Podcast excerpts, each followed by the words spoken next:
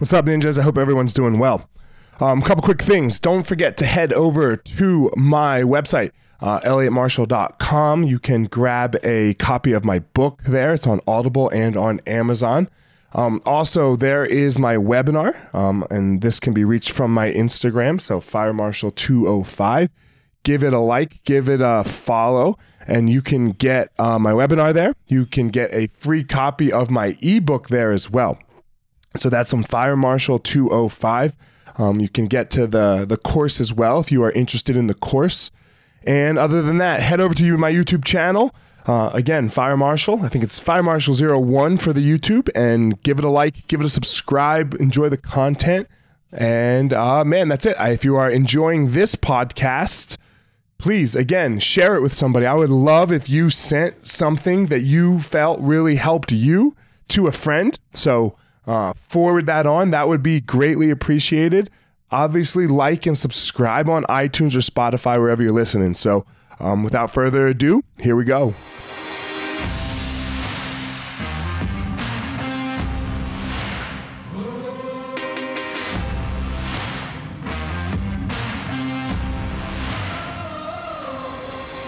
What's up, my ninjas? This is former UFC fighter Elliot Marshall, and this is the Gospel of Fire, where we are going to learn how to go into the fire so that we can find our power and live the best life possible.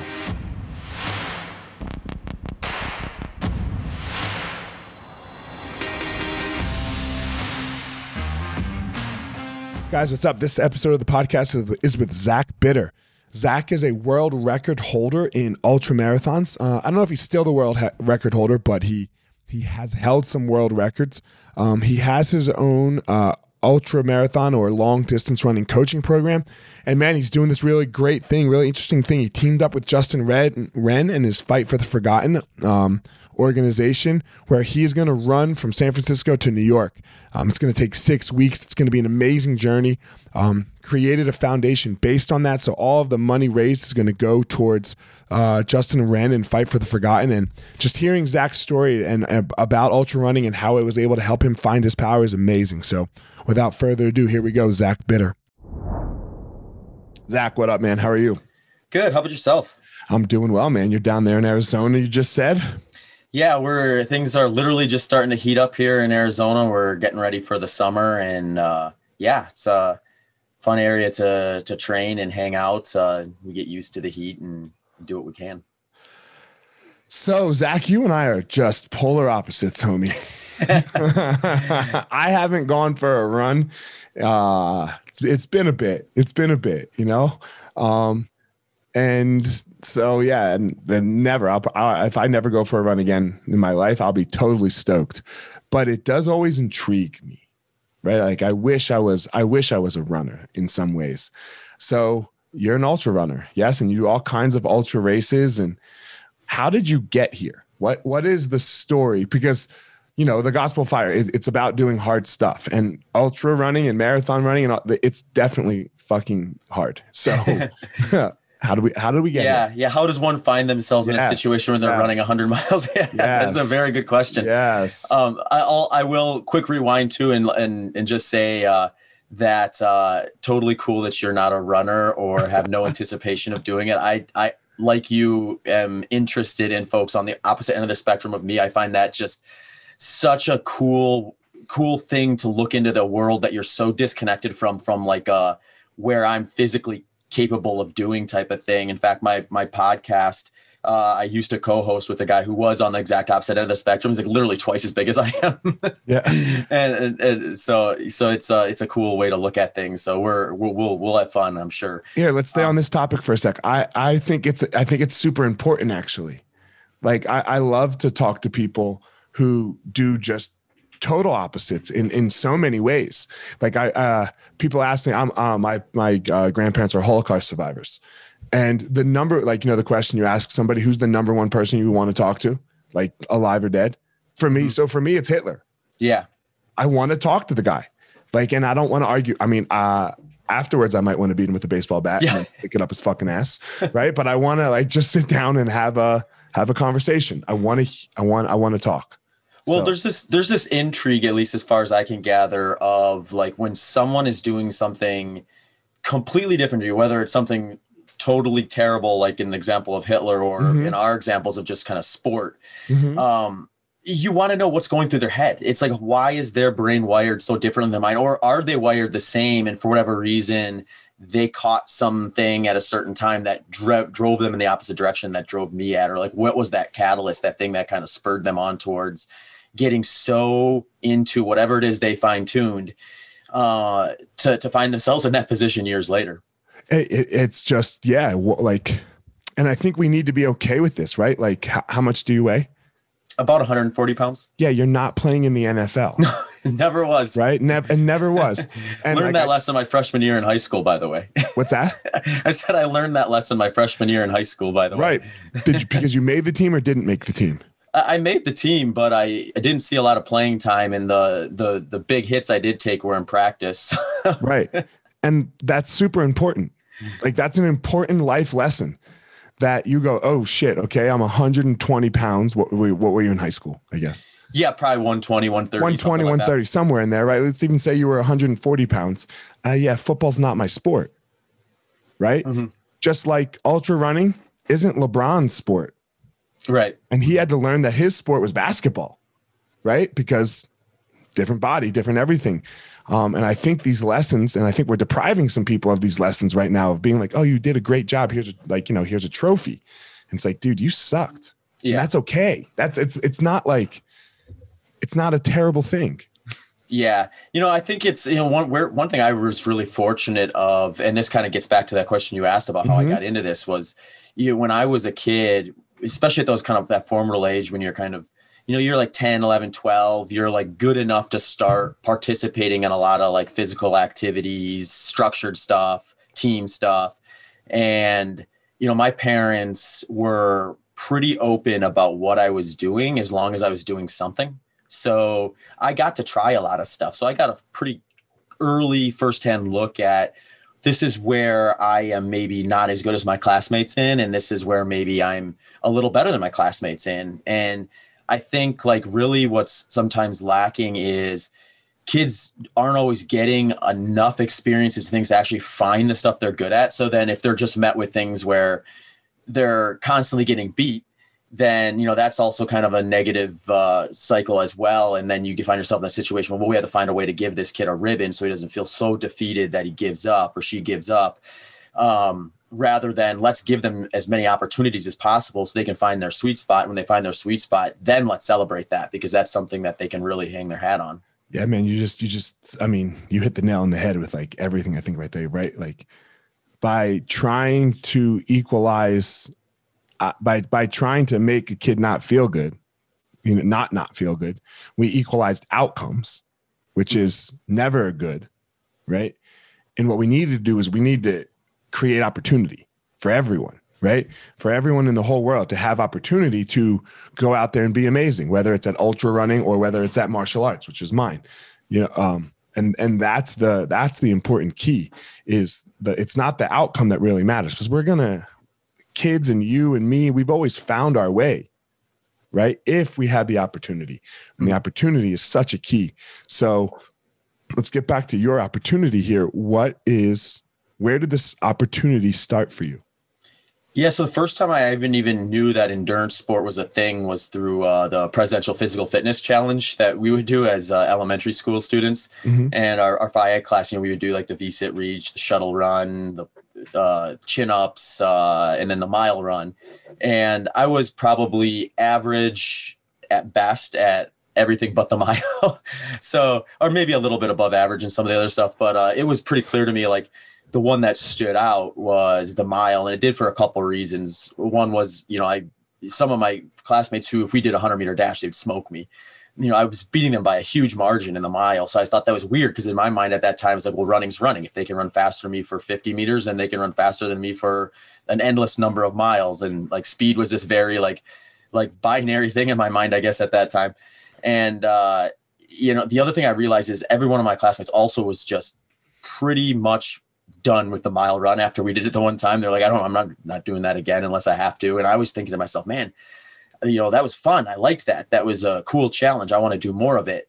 So like th- those two things kind of stood out to me and that was like kind of the first time i probably ever gave a lot of thought into sport or physical activity as being something where you can be good at part of it and not good at other parts of it. It wasn't like if you're good at basketball, you're also good at football, baseball, track. It's it's like, you know, there's there like you said before, LeBron James, possibly one of the best basketball players to ever play the game, would probably uh, not be one of the best ultra marathoners. Or if we want to go to more like standard Olympic distance stars, he was never going to win a medal in the Olympics at the 5,000 meters. So um, I mean, he's not going to win a medal at the Olympics at any meet, any. Right. Yeah. Yeah. Yeah. So, right. So it is. Uh, it, it, gets really interesting. I think when you start to get past that surface level thought that I think, you know, as kids we're we're inherently going to be naive to because we're just not exposed to necessarily the variety, or if we are, we're not exposed to the thought process about it. That's super interesting, right? Because what like I, I never even thought about it like this because like the two disciplines, for example, running and swimming, which have these different length of disciplines um, where in the other sports like basketball, football, baseball, hockey, um, all, all you know, you're either good at them or not good at them.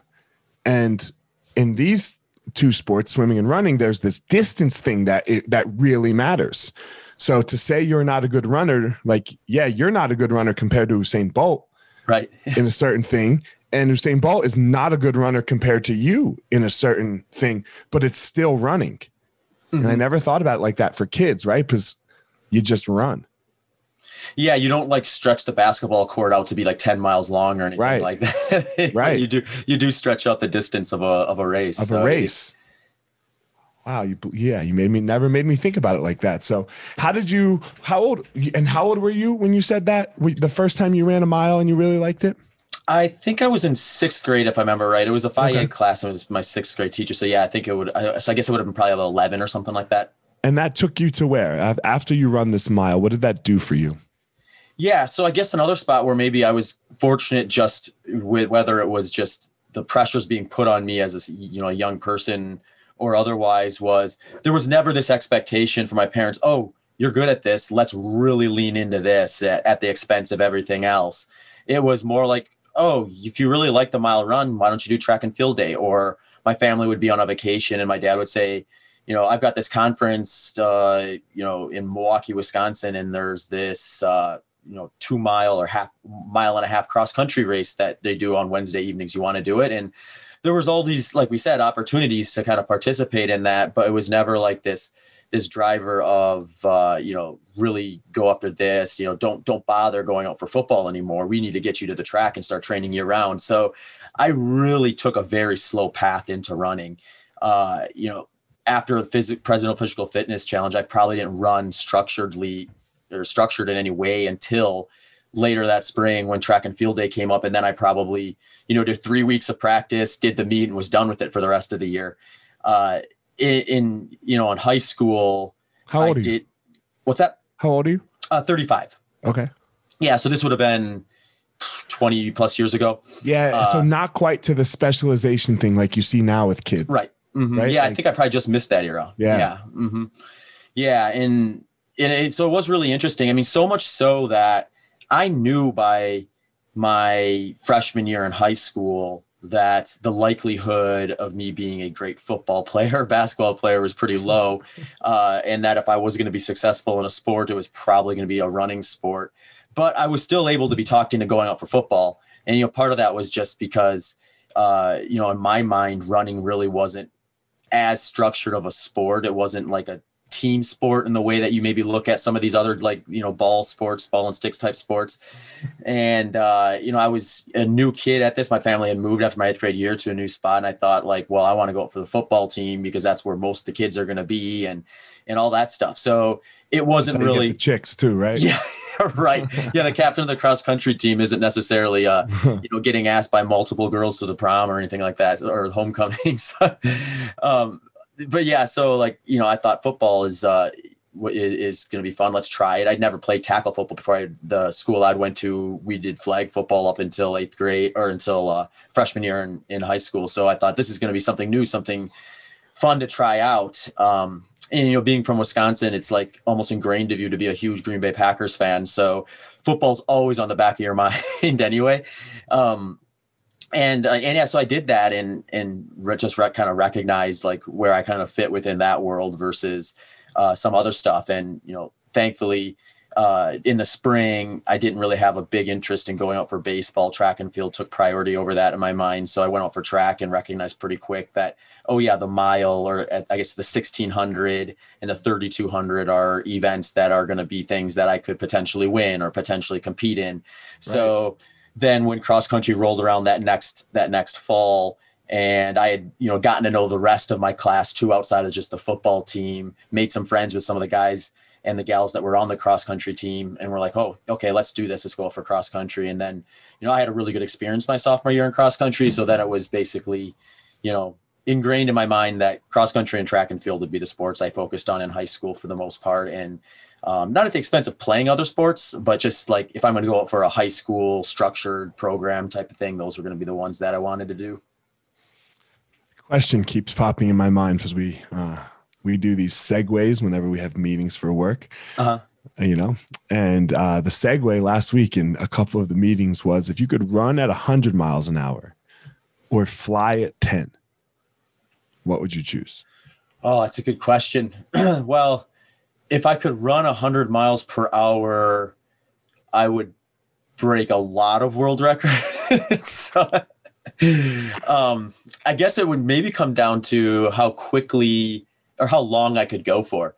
Because if I'm thinking of it just practically too, flying at 10 miles per hour is slow enough where it wouldn't be super practical in the sense that, oh, now I could like, you know, fly home to the Midwest. To Europe, right, right. Yeah, yeah, right. yeah. But running 100 miles an hour, I'm assuming the police aren't going to pull me over for running. So I could actually get home quicker than driving. so this is so for me it's it's if I could run 100 if um because I think of it like I so I could care less I really could care less most of the time about money. I care way more about time, mm-hmm. but money does help with it. So here's my logic. Um, if I could run at 100 miles an hour, that means I could also run at 30 miles an hour or mm-hmm. 20 miles an hour, right? So I would break all of the world records. I'd be better than Usain Bolt. And I could also play in the NFL, mm-hmm. right? So I'd be so fucking rich. Yeah. I'd have so much fucking money. And then I could fly private everywhere. I could own private jets. And then I don't need to fly at 10 because I don't want to fly at 10 because that's slow as hell. Right. Like, yeah. like I don't think when you like it's cool to fly for sure, like to have that superpower, but not at 10 miles an hour because you're not going anywhere. Yeah. you know? Yeah. I guess the the only potential uh counter to that that I can think of would be if you can physically pull off the act of flying some like a lot you of might be lot, really rich too. Yeah, someone's gonna mm. so some really smart people are gonna take note and they're gonna build you a suit that as long as you can get up into the air, that suit will protect you and allow you to go 500 miles per hour. And now we're talking. why are you fucking up? Why why are you fucking up my shit, man? I still like your angle better though, where not you could you could essentially play all those professional sports. Yeah, you just play all the professional yeah. sports. You're you're just the best at like at all of the of at like two or three major professional sports. Yeah, and no one can fuck with you. Yeah, the flying thing. It's like, what are you going to dominate the wingsuit diving the contest? Yeah. so, all right, back to you. Um, so high school ends, and where you continue running, I assume.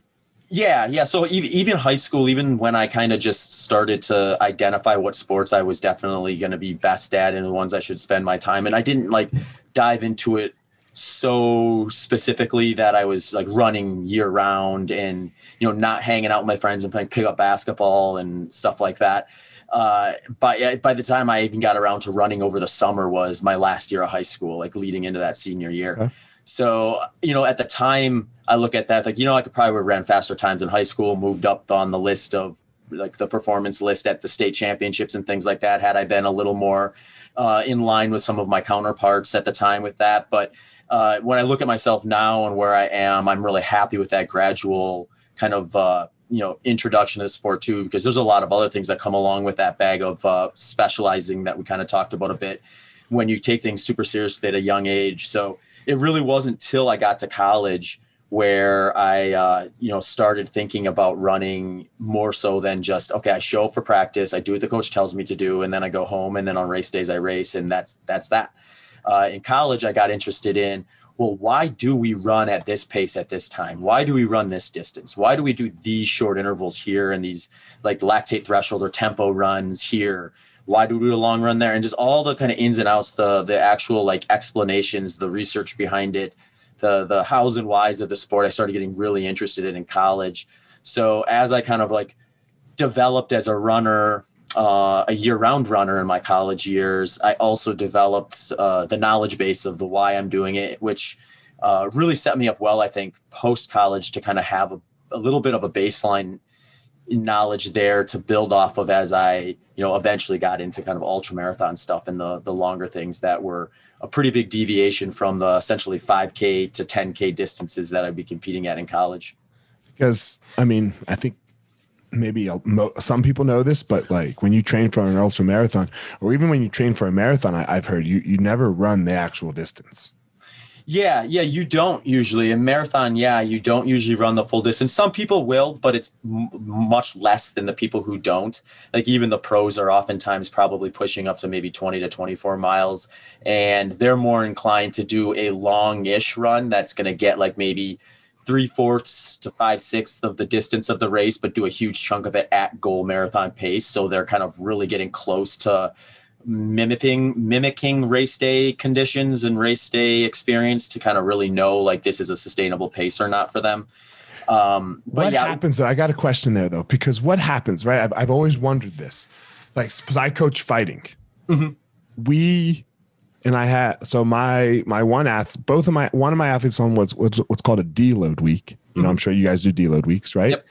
And my other athlete's deload week was last week, so that now we are within. Well, she's through this week, so we have one day and then two more full weeks of training, right? Mm-hmm. And we are going to mimic in her sparring, right? She spars twice a week. Uh, we are going to mimic the fight. Like I want to see what you have. Three rounds, one minute rest, get tired, mm-hmm. right? Like get tired. Now in the and before the deload week, we push the the distance longer, right? We're like, yo, okay, I want to see six rounds today. Mm-hmm. We never do like, yo, give me a round. Yeah, yeah. So, uh, yeah. So you're kind of you're putting her in a position where you're going above and beyond the physical requirements that are going to be asked of her on fight day, so that you really know where the holes are. Mm-hmm. Um, am, am I understanding that right? And eh, before the deload. Before the deload, because then you want to step back, let everything catch up, and not overtax her, so she's kind right. of hitting then, that margin of diminishing returns. Right, because you know when you, and, and we we definitely in our sport we have to play with like when you get tired, uh, you can like make mistakes, and the, and the mistakes are costly, right? Yeah. Of getting concussed or cut or so you know we we we have to play this where um, I, I'm sure as you do too in your in your uh, sport, but there's not another person doing it to you. Right. Yeah. You it's know? a rock that your head hits on the trail right. if you trip and fall. trip and fall. Right. So, um, we, so we, we mimic, right. In, in MMA, we definitely mimic and you don't mimic as much. Why? Um, I, I, can understand for the hundred, right? Because the hundred, I'm sure kills you, but yeah. for like an actual marathon, why not mimic ever? So, I mean, with the marathon, I think they kind of they, they mimic to the degree that they might do, say, a 20 mile run with 16 miles at goal marathon pace. So they're getting awfully close to what they're going to be asked to be doing on race day. And if you do the right training leading in, uh, in the right workouts, you can kind of extrapolate forward at that point and get a very good look. Like, unless there's a mistake made or something unforeseen happens, this is a very tight range of times where this athlete is going to be able to run on race day.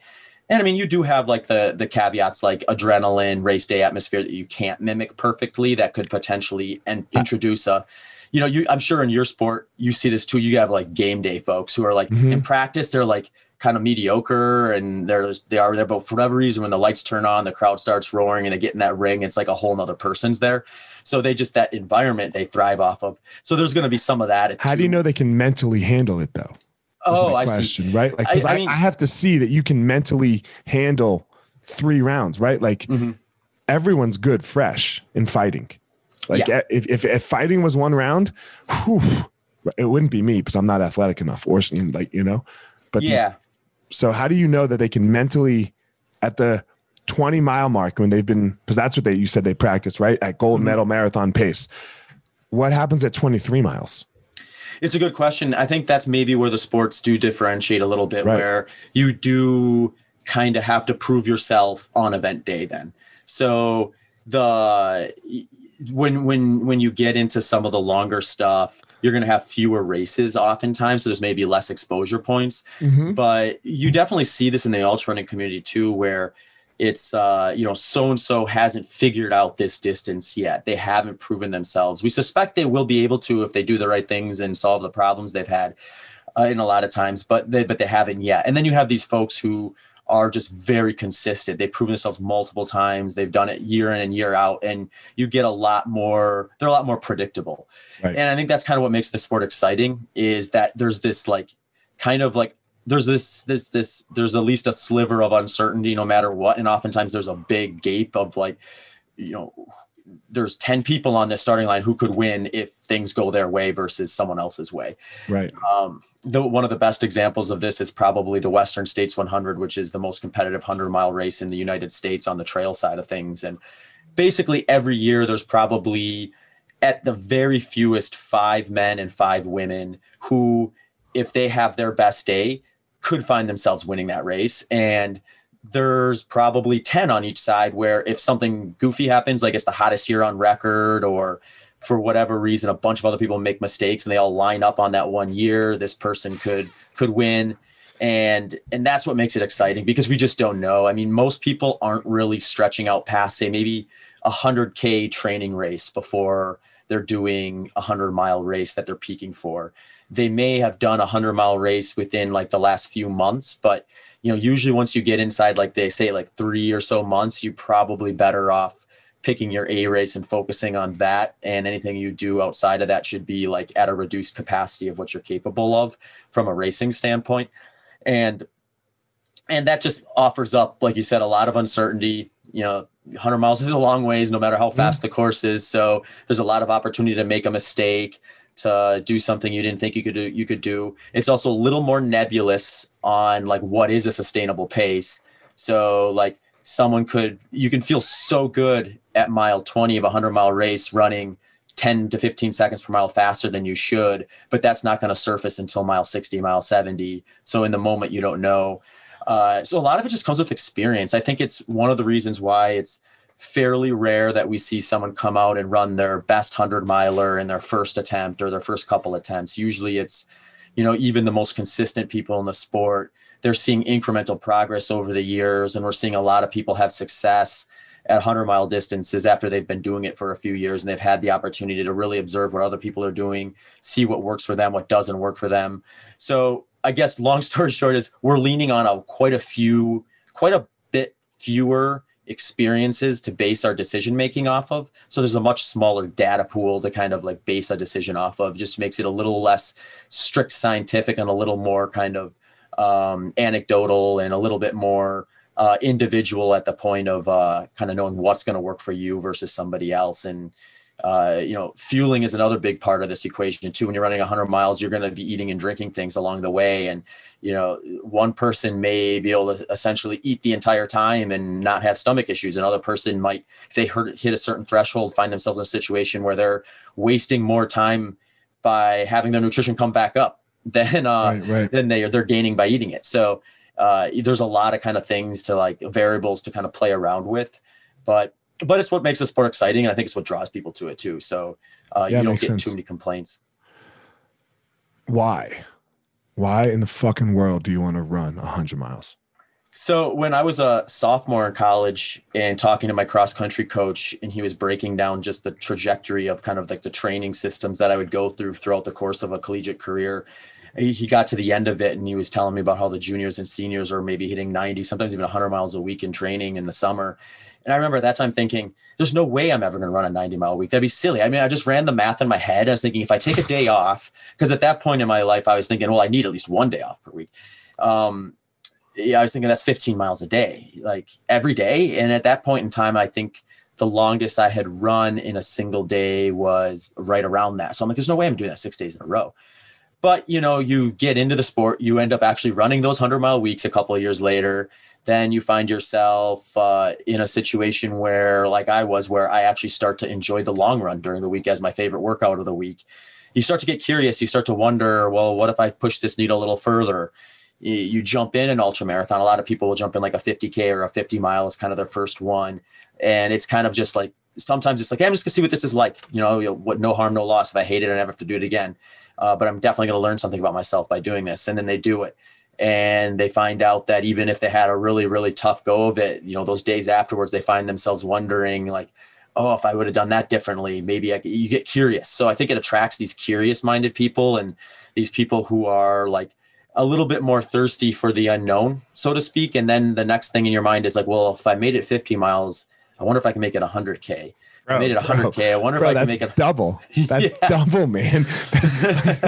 I've never done like, I mean, like I doubled one mile to two miles, but I didn't go two to four. I went two to three. Yeah, yeah, but I mean, you got to think like these people running 100 miles are probably thinking the same thing about your sport. They're like, right. If I went in a ring with another person who, with the right technique and the right timing, could literally put me in the hospital, like I'm not even thinking about 10 seconds so like you get them in there for 10 seconds, you think they're thinking about five minutes after that? Definitely not. Like, right. especially if they yeah, I get it. I get it. no, I mean, like that's that's the thing with these ultra sports, right? These, uh-huh. these ultra intense sports is it it takes a different mindset. Mm-hmm. You know, it takes it's not for for example, for for us, like, man, don't ever say we play. Like that, that is like yeah. that, that's a big thing for us. We this is the only sport you don't play because the hospital is really likely afterwards. Mm-hmm. You know? Yeah. Like a life-changing moment. So right. don't don't put play in front of what we do. And and if you're on the right end of that punch too, there's consequences there as well. Like I mean nobody I mean I guess if you absolutely hate the person you're you're up against like you know, maybe in the back of your mind, you're thinking, I'd like to put this guy in the hospital, but I don't think anyone's there thinking like, I want to end this person's life or, do you, you know, watch like, the UFC? Yeah. okay, so maybe there's some of that. No, no, do I'm, no, I'm asking, do you watch oh, it? do I? Uh, probably just enough to be dangerous. Okay, so uh, you saw it during during the quarantine here, right? During mm-hmm. the pandemic, uh, with where there was no crowd. When oh, yeah. when one fighter knocked the other fighter out, there was very little celebration. Mm-hmm. They would like, ah, oh, shit, right? And they'd go over and make sure the person was okay. It it it was very little celebration when a knockout happened, because the crowd is what like energized like oh shit i fucking like you know yeah. like so yeah you you saw without that people like would win and be like oh mm-hmm. so yeah you're right it's yeah. very little like i want to hurt this person that that's something that i think is maybe at least somewhat unique to your sport mm-hmm. is mm-hmm. like i mean you hear about in other sports too where this person can just flip a switch right where mm-hmm. they can go from being this kind of like calm uh, like low low intensity type person, but then you know the ball gets tipped and all of a sudden they're like just here we go. Yeah, yeah, they're just they're on. It's like you know nothing's getting in their way. Uh, but with with fighting, I think it's like you know that could be your friend, and a lot of times it probably is at least someone you know your acquaintance with, and maybe are very friendly with on the other side. So you almost have to, in order to like put yourself in a position sure. to be able to do what you need to do to to win that match Mm-hmm. Uh, you're right. It, it, can't be play at that point. You have to flip a switch because if it's just play, then you're never gonna do what you got to do to win, and they're gonna do that to you, perhaps. Yeah, for sure, without a doubt. I, I want to go back to you because it's it's not it's your podcast, not mine. But yeah, um, you'll you'll be getting an invite from my podcast then soon. um, so my question is, is you said something there like you learn about yourself right? Mm-hmm. What is it that you learn about yourself in these races? Yeah, yeah, I think uh, I mean there's what you learn about yourself I think throughout the process and then there's what you learn on the race itself. So I think if I look at it holistically through my career, one thing that I've really learned about myself is that the mental side of the sport is very unique because it is physically demanding, but the physical intensity at any given moment is really low compared to what you could do. Like I've won races before at an average slower pace than I ran my first mile in. So like really at any one moment if I'm in a headspace of like I literally physically can't go any faster, that's almost certainly just as much, if not more, mental than it is actually physical. So you find yourself from time to time running a race where things just go well. You find yourself in a position where, for whatever reason, you hit when you hit low points, which are inevitable. You pushed through them. You did made the right decisions. You you you regained your focus and just kind of like pushed through and then ended up having the, one of the best races you've ever had. How do you do that? Like what what is that like, right? Because I I believe sport is a microcosm of life. Mm-hmm. You know? So like yeah. when you're in this low point and first describe the low point. What is the low point like in a 100 mile an hour race? Not yeah, so 100 mile race. So there's the physical and mental component to it. There's the the mental component is you just get bombarded with these negative feedback loops where it's like why am I here?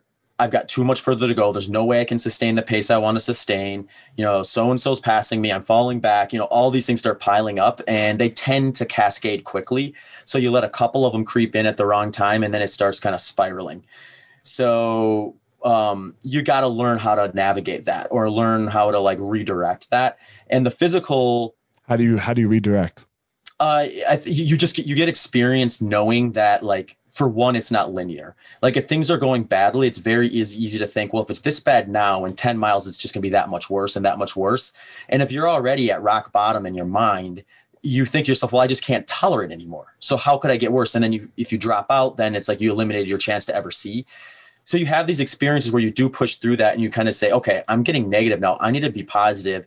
I look back, I did the training required to run this pace for this distance. I've done this. I know I can do it am I ready to give up on 99% of the work? Because when you think about it, if I spend six months preparing for a race and I'm 60 miles into a 100 mile race, it may feel like I've got 60 miles in my legs and 40 miles is a long ways to go, and I don't know if I can do it. But if I look at it grand scheme of things in a six month buildup, 40 miles left of a 100 mile race is 99% of the way there. So I have to be able to convince myself that it's worth bailing out on 99% complete rate. Like imagine if you were playing a video game and you're 99% of the way to finishing the game, you're like, ah, screw it, I'm just gonna stop now. And like you would you'd think about that. Like yeah, even yeah, if you didn't care about you. video, yeah, even if you yeah, hate video games, you. would think about that. You're like, why did I quit on one percent? So you I think and people who've been in the sport long enough, they've had situations where they do pull the plug in those situations. And then you have situations where you are in a similar spot and you push through. And then maybe you have another one and push through again and another one and push through again and then you remember some of those ones you did in the past. Where like, wow, I pulled the plug really early that day. That's embarrassing. Like that, I, I let myself down. I quit on myself. Um, I quit on the people who spent their time and energy to come out there and help me that day. Uh, I quit on the race director who let me in this race, hoping I would run a great day, have a great race, great great time. It would, you know, put a spotlight on their event and hopefully uh, increase their registrations the next year. You know, when you start thinking of it like that, it just becomes, I think, a little easier to to really put yourself in a position of I can't do this anymore, where it's actual like, okay, I have something that could potentially be a long-term injury if I keep doing this, or you know, all my goals are off the table at this point because I've made enough mistakes. You know, like it's clear that my training philosophy did not pan out for this particular event. Uh, I'm gonna, you know, I'm gonna cut my losses. And you know, we it, the sport's gotten big enough now too, where there's legitimate professionals in the sport where their livelihood depends upon race results and things like that. So, you know, there are there are situations where it does behoove a runner to say, you know, this is just not my day to day. I took a risk early on, it didn't pay out, and now I'm, you know, cascading towards the back of the pack. And uh, you know, if I stop now, I can show up to another race in six weeks and potentially like salvage this buildup or this season. So I mean, there's there's there's always exceptions to everything, but um, sure, generally sure. speaking, I think that's like that's kind of the mindset. And I think when ultra runners really sit down and are honest with themselves, they can identify points like that where you know they had a race where they pulled the plug earlier than they should have, and and that I think is a negative in the time, and it can be a negative in your mind in the sense that you don't necessarily want to do it again but it can also be a positive if you look at it as a learning lesson and know like okay now i know when i feel like that unless there's something structurally wrong or a really really bigger unique situation to stop then i need to really ask myself if i'm willing to quit on myself versus you know kind of saying like yeah yeah I, I i didn't have it today or you know what you know something like that. So uh, some of this just comes through trial and error, personal experience. Experience. And, yeah, and experience I mean, there's it's about. a pretty open community too. A lot of people are willing willing to share these things. It's one thing I've tried to do a lot of uh, since I've uh, found you know even a handful of people who cared to cared to follow what I was doing is uh, is try to be as open as I can and honest as I can about some of these things because uh, in my mind it's like someone's going to be listening and they're going to learn from that mistake I made and not make it themselves. And you know if I can be a part of that person finding their mm. peak, their peak performance or their peak. Um, you know accomplishment or something like that without having to kind of make the mistakes i made or what other people have made then i think that's kind of a cool way to give back too amazing yeah no for sure um as we start to to wrap up i do want to talk about one thing here. You're you're about to do this race you know? Um in september i think you said right? Uh what what is it? Tell, you know because it's not like an official race right? So mm-hmm. let, let's talk about it. What do you have going on coming up yeah, and this actually kind of highlights what we've talked about a little bit here too. Is like, well, yeah. why? You know, you get to these points where I think like once you enter, there's like this big leap to enter the ultra marathon running community in terms of deciding to do one. Once you decide to do one, everyone's going to welcome you in. It's a very welcoming community. But like, there's that big leap of getting in. But once you get your feet in the water, it's like I want to get to the deep end now. I want to get to that 100 mile run. So people are like kind of drawn into that. But, you know, for me and a lot of runners too, you eventually find events that you're better at and events that you really enjoy. So you you tend to kind of build your seasons and build your efforts towards those. So you lose a little bit of that kind of unknown where i've never done this before. Like there's this unique feeling of i'm standing on this starting line right now and i'm about to run further than i've ever run before. Whether it goes good or bad i'm going to travel further by foot than i ever have before. And that's just a kind of a cool feeling. Uh, and i haven't had a whole lot of those experiences recently just because you know i ran my first 100 mile race in 2012 that distance has been one I've really focused on for the last, you know, eight, nine years. And you've been a world record holder in it, yes? For sure. Yeah. So I've, yeah. I've definitely fine tuned a lot of aspects to that, which I really enjoy, but it, it, comes at the expense of kind of trying different things, new things. So when I first got into ultra running, I kind of heard about this route that, uh, uh, is called a transcon or a trans america it, it's a uh, there's different ways you can do like a southern route or a northern route and there's different iterations of it but there's kind of one standard that's used for like record setting purposes where you start in san francisco at city hall and you essentially go kind of across the middle of the country uh, till you get to city hall in new york and it's a roughly 3000 mile journey.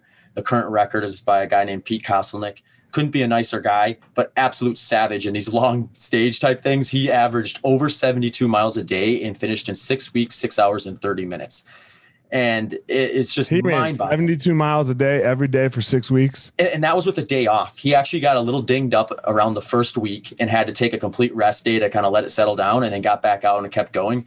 So he was probably actually averaging more like 74 to 75 when he was actually out there running. Holy so fuck.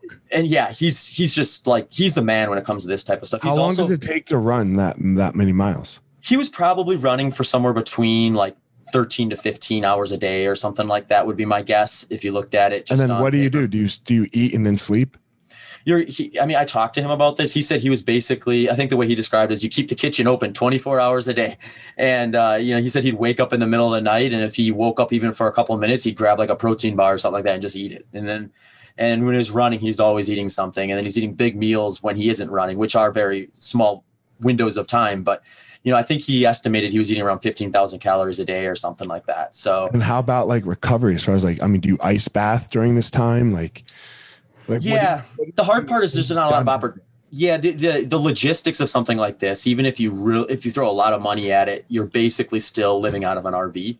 So, uh, I mean, you can stop at hotels occasionally as well, which I think would be a good spot to maybe mix in a nice bath or something like that during something like this but it is very much an injury prevention thing right? Like right. you can you're running really slow you're walking and running like you're just basically trying to move as often as you can without sacrificing so much sleep that it ends up deteriorating you or without going you know pete kind of made this mistake which is why he took the day off. He pushed it maybe a little too hard in the early stages and and and aggravated a tendon. Uh, but you know you there is a unique thing about it too where there's another guy, Dean Karnazes, who's done both west to east and east to west.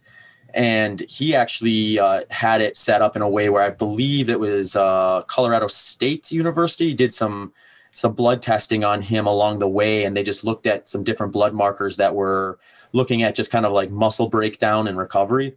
And what they noticed there is there's like about a week where you kind of cascade down to rock bottom from a physical standpoint. And then it hits there and it's almost like the body just says like, okay, this is the reality. And then starts kind of like adapting and like started, he actually started kind of improving then after that. So you kind of have to like be in the mindset of this is going to get really bad in a very short period of time. Uh, but once I hit that spot, it's going to start to gradually improve and then I'll hit a rhythm and some consistency. So, um, but yeah, so like this route has been something I've been interested in for quite a while, but it was kind of always this distant kind of dream type of like, I'll do it someday, but I just never ever you know, put a date on the calendar or anything. So it was never really that real in my mind uh, until I met this guy, Justin Wren, who uh, is a humanitarian, uh, mixed martial artist. He's fought for. Justin and I are homies. Oh, are you okay? Awesome.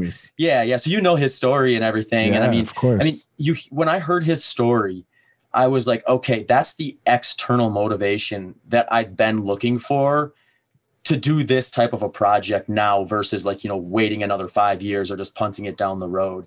When I heard his story, I was just like, man, if I could get a hold of Justin and see if he'd want to partner up for this and just do a big fundraiser, an awareness thing for Fight for the Forgotten, I think I've uh, you know I've made enough connections in the sport and outside of the sport through my own personal efforts that I think I could get enough attention on this thing to really you know bring some eyeballs onto his cause and and help him out because I mean when you hear Justin's story, it's just like he's such a giving person and he's got every excuse in the world not to be but he is. He's maybe the most giving person I've ever met.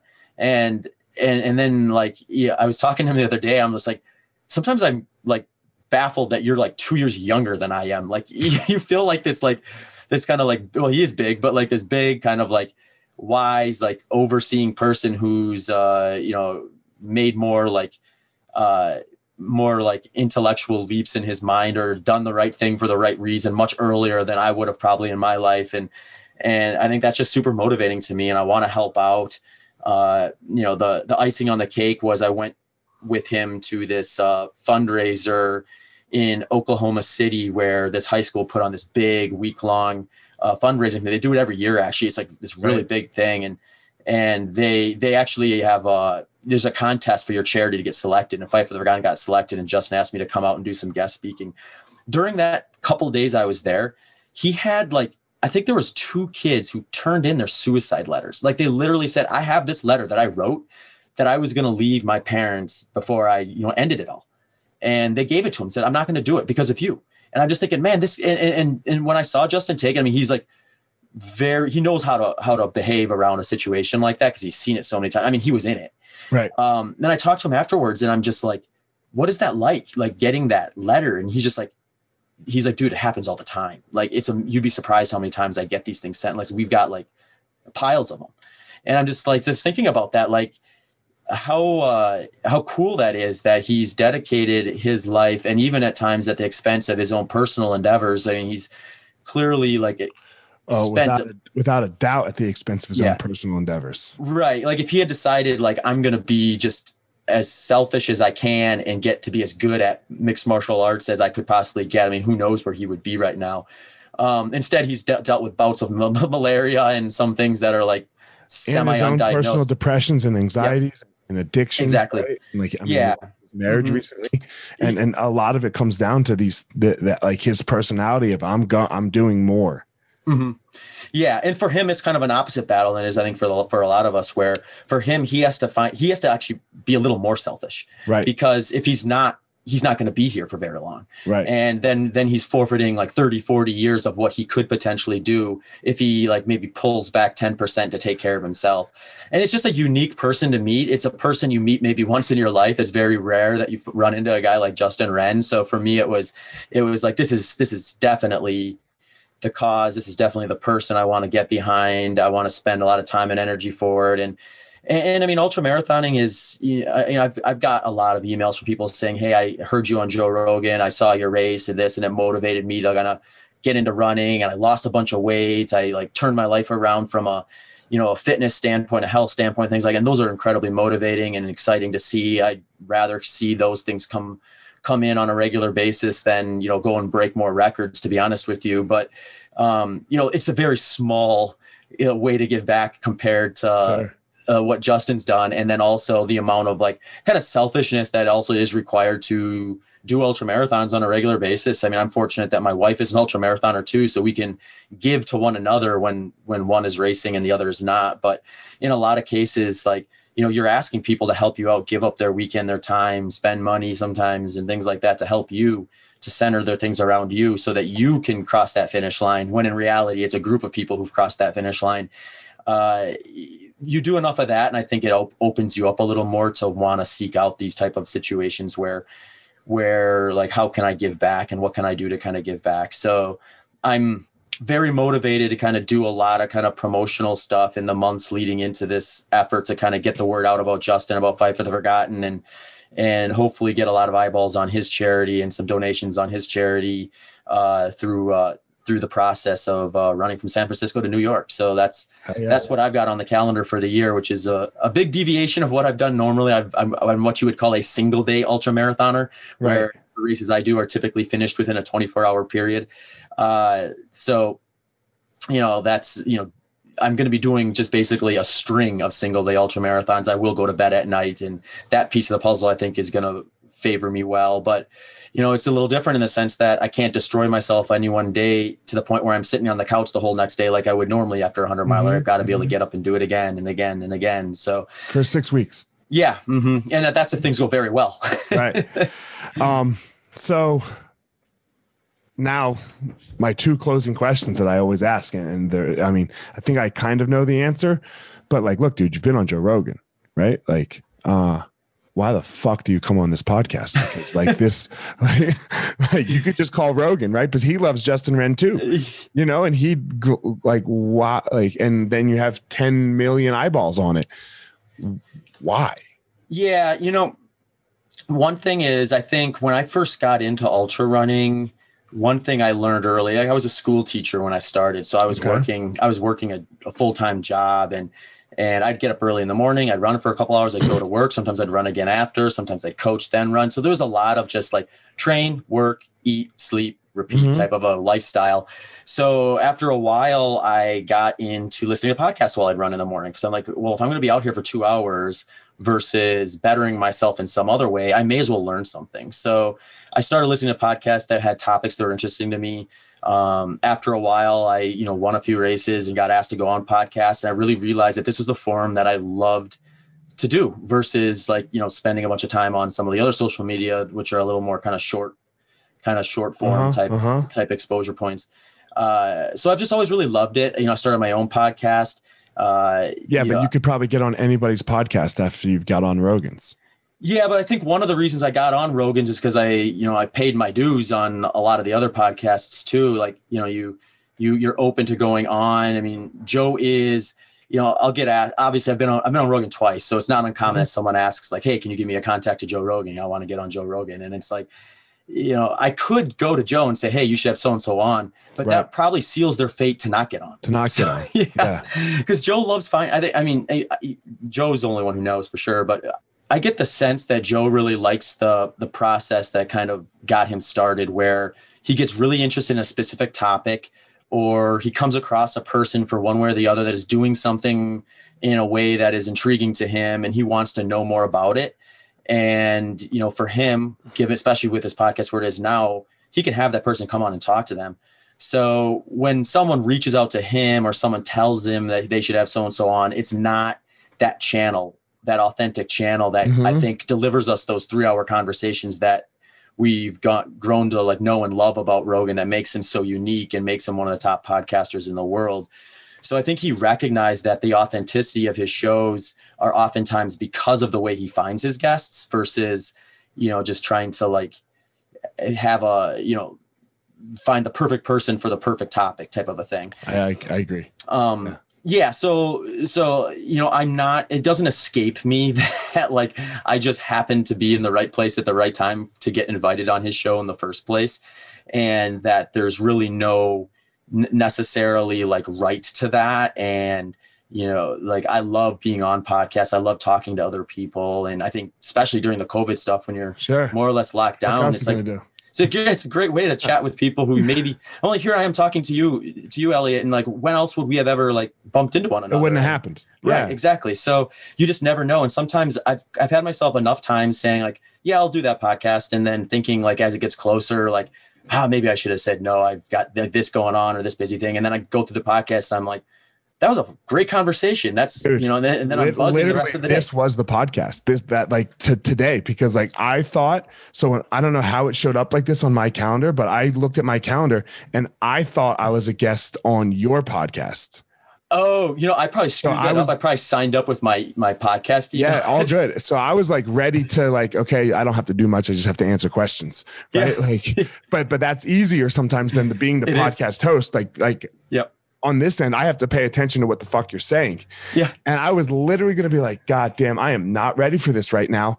Uh Maybe- there's got to be an excuse, right? maybe yeah no i was like maybe i'm just gonna ask him to reschedule and then i was like no elliot don't and like we had a great conversation and i really enjoyed it so like Mm-hmm. what to the point you're making like yeah like i, I like just talking to someone's really cool hmm Yeah, it is. know? And I mean, there's there's times where I get really busy and I have to say no, or I have to say like, let's do this, but it's going to maybe be a little while, type of a thing. But right um, but yeah, I mean, it's it's it's a fun form for me. I get a lot out of it. I think personally, uh, for the reasons we just chatted about, Mhm. and and it's you know, I also recognize as a podcast host too. I've had guests come on my podcast who have no reason to come on my podcast because they have you know half a million Instagram followers. They could just go on Instagram live and reach way more people than coming and talking to me. So sure but they say, yeah, let's do this. You know, uh, I mean, here's an example. I did this treadmill challenge last year around this time. And one of the ways I wanted to make it interactive is I want to bring in a bunch of guest speakers while I was doing because it's how boring it is to watch someone run on a treadmill for 100 miles.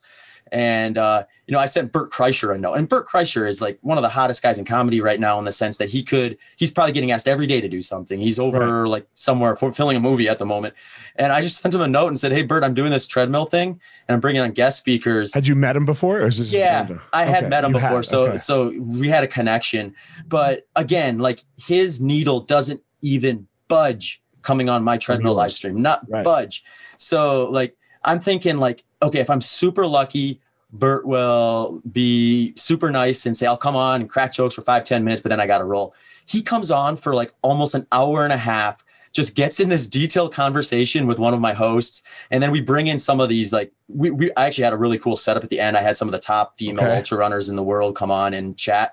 And Bert stuck around. He wanted to talk to him, and they were they were talking about getting him into a, some hundred mile race and things like that. And he just he just had a good time and hung around for a while. And fuck yeah man yeah, so it's like when I think about stuff like that, it's like, well, if Bert Kreischer can take an hour and a half out of his day when there's a million other things he could do that would actually make him money and you know like promote his career uh, he's going to do that for me then like who am i to say no to you know someone's podcast who's trying Sure. to kind of just you know who's legitimately trying to do something productive yeah, right? Like people aren't recording podcasts oftentimes especially the small ones because they're looking to make bank on it. Like they're I do, I There's a make- lot of times that a it's not- spotify's about to call. Yeah. but yeah, I mean the, the the small ones though, it's like a lot of times it's the labor of love, it's a passion, it's an interest. They, you know, they're generally interested in talking to me. So Yeah. it's like it's fun to talk to people like that. And uh, you know, as long as uh as long as that stays true, I think I'll probably keep saying yes. keep doing it Fuck Yeah. All right, last question. Um, I believe everyone has a superpower, something that makes them amazing in the world. Doesn't necessarily make them rich or famous or or anything like that. What do you think your power is? That's a good question. If uh if I had to pick one on the spot, probably say positivity. I think Okay. that's a huge driver. I think uh, you know, negativity is what ends careers in ultra marathoning. Negativity is what makes life more miserable than it needs to be. Sure. Um, I granted I've had a lot of opportunities and have been incredibly fortunate in a lot of Mhm. cases. So perhaps it's easier for me to stay positive than some folks, but it's something that I oftentimes really lean on heavily when I'm asking myself why and when I'm asking myself, uh, you know, what is what is going on here Yeah. and it, it's a reoccurring theme i think that i've seen pop up in my own life and it's something that i know i can count on when when the going gets tough Fuck yeah. All right, man. Well, tell everyone where they can follow this journey of your race, um, where they can help out Wren's Foundation. Uh, I can put all that in the show notes too. Um, so yeah, where they can hit up you, tell you know, plug it away, plug away. Yeah, yeah. So my kind of central channel is my website, which is zachbitter.com, Z-A-C-H-B-I-T-T-E-R.com. Uh, there you can link to my social media channels and my podcast and all that stuff. Uh, I'm most active on Instagram, which is just at Zach Bitter. Uh, for Justin Wren and Fight for the Forgotten, you can go to fightfortheforgotten.org. Uh, we are currently getting kind of a unique page set up that's going to be kind of specific to the Transcon project. So if you're looking to say, I really want to support this organization and I want to do it through Zach's effort for that, uh, stay tuned for that. That'll probably be a landing page on their website for that, as well as probably a link from my website in the next couple weeks. Oh, yeah. All right, guys, as always, don't go out in the world and try to be Zach, and don't go out in the world and try to be me. Go out there and you find your power. All right, everyone, thanks for listening to this episode of The Gospel of Fire. If you enjoyed the episode, I'd love a review on iTunes or wherever you are listening to this podcast. Don't forget to follow me on social media at Fire Marshal 205. If you are a BJJ enthusiast, check out my YouTube channel. I put all kinds of instructional DVD uh, videos out on there, so go check it out. My book is still out on Amazon by the same name as the podcast, The Gospel of Fire. So if you are interested, go check out that. And most importantly, guys, go out there every day, find your power. Thanks a lot. Guys, look, I get it. I totally get it. You opened a martial arts school, and man, it's kind of crushing you. There's all this other stuff to do other than teach, right? You love teaching. You love jujitsu. You love Muay Thai you love karate, whatever it is you're you're teaching. And man, but there's all this other stuff. There's there's the front desk, there's there's taxes, there's curriculum, there's cleaning, there's there's problems, staffing, covering. Whew, man, it's so much. It's so much. Well, let me tell you, uh, we have started what's called Easton Online, and Easton Online is here to solve all of these problems for you. Easton Online is a digital academy for martial arts school owners and managers will help you establish or enhance your business with best practices. Most importantly, we're going to help you get back to what it is that you love most teaching and doing martial arts. Okay, so for more information, guys, go to easton.online. Again, that's easton.online add your email. You're going to get notified about the course launches. Our first course is going to be all about the first impression specialists, your front desk and all kinds of stuff, special offers, promotions, as well as we started a podcast by the same name, Easton Online, that's gonna talk about our process of how how we went from a tiny little martial arts school to what is now seven martial arts schools, seven Brazilian Jiu Jitsu Muay Thai schools, um, in a very holistic way that we believe um, kept the integrity of the art and also deals with its people very well. So again, easton.online, enter your email, and you're gonna get all you're gonna get everything you need right there. So thanks, guys.